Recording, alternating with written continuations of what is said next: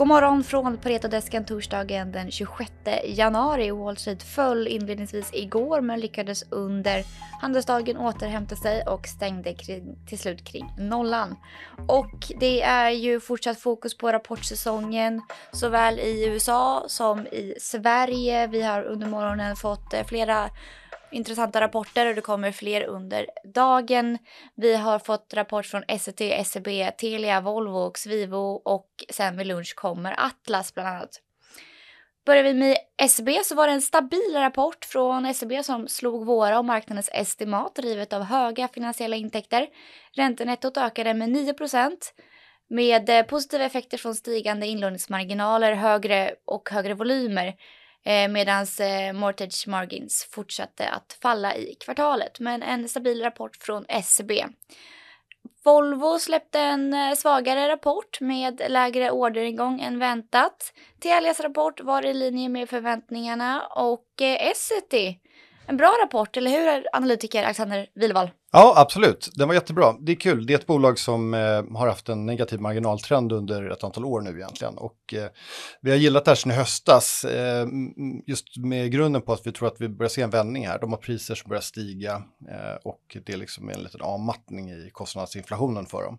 Och det är ett bra tecken här nu i Q4-rapporten som kommer på morgonen. Eh, det är framförallt marginalen som sticker upp på uppsidan. Den kom in rejält mycket bättre än väntat. Så det, det var bra. De har en prestation nu här klockan nio på morgonen, får vi se vad de säger mer då.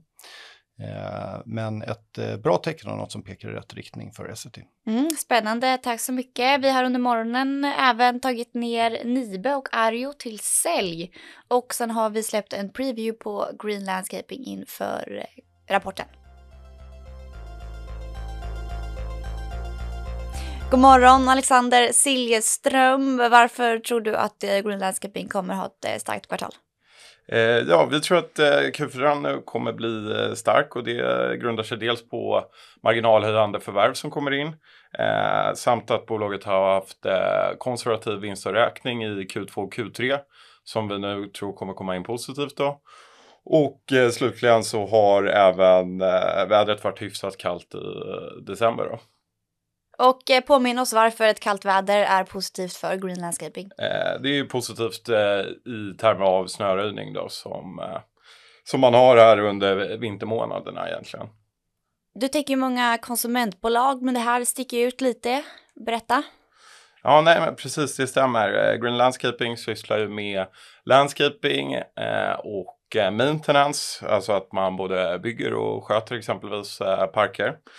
Och eh, man har stor, stort fokus på förvärvsdriven eh, tillväxt. Eh, och eh, under eh, 22 här så har man förvärvat bolag med en omsättning på drygt eh, 1,1 miljarder och eh, med en snittmarginal på drygt 11 procent. Så att en stor del av den här resan är ju att växa via förvärv och även att lönsamheten ökar genom de här förvärven samt att liksom ganska kapital eh, light business vilket gör att man, man kan allokera sina kassaflöden till, eh, till ytterligare förvärv. Och det är väl egentligen det vi ser som den största värdedrivaren nu framöver. Eh, tittar vi på 23 exempelvis så eh, tror vi att eh, redan utförda förvärv kommer eh, att driva tillväxten med drygt 15 procent på helåret eh, samt att eh, ebitan ökar med 25 och eh, här för 22 då så var första året man kom in, första helåret man kom in med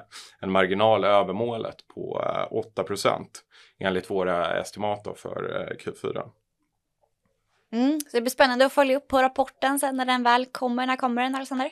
Den kommer den 16 februari.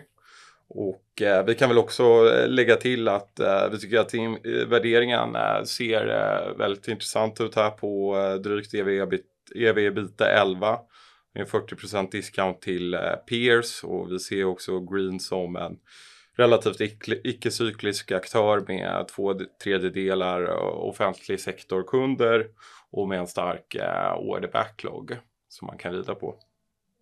Mycket bra, tack så mycket. Toppen, tack. Och tack så mycket för att ni har lyssnat denna torsdag. Vi är återigen fredag och vi fortsätter att bearbeta rapporterna. Det här som jag nämnde i introt är ju vår first take. Så vi kommer ju sen ut med en eh, review efter själva rapporten när vi har gått igenom den lite mer i detalj. Tack så mycket, hej då!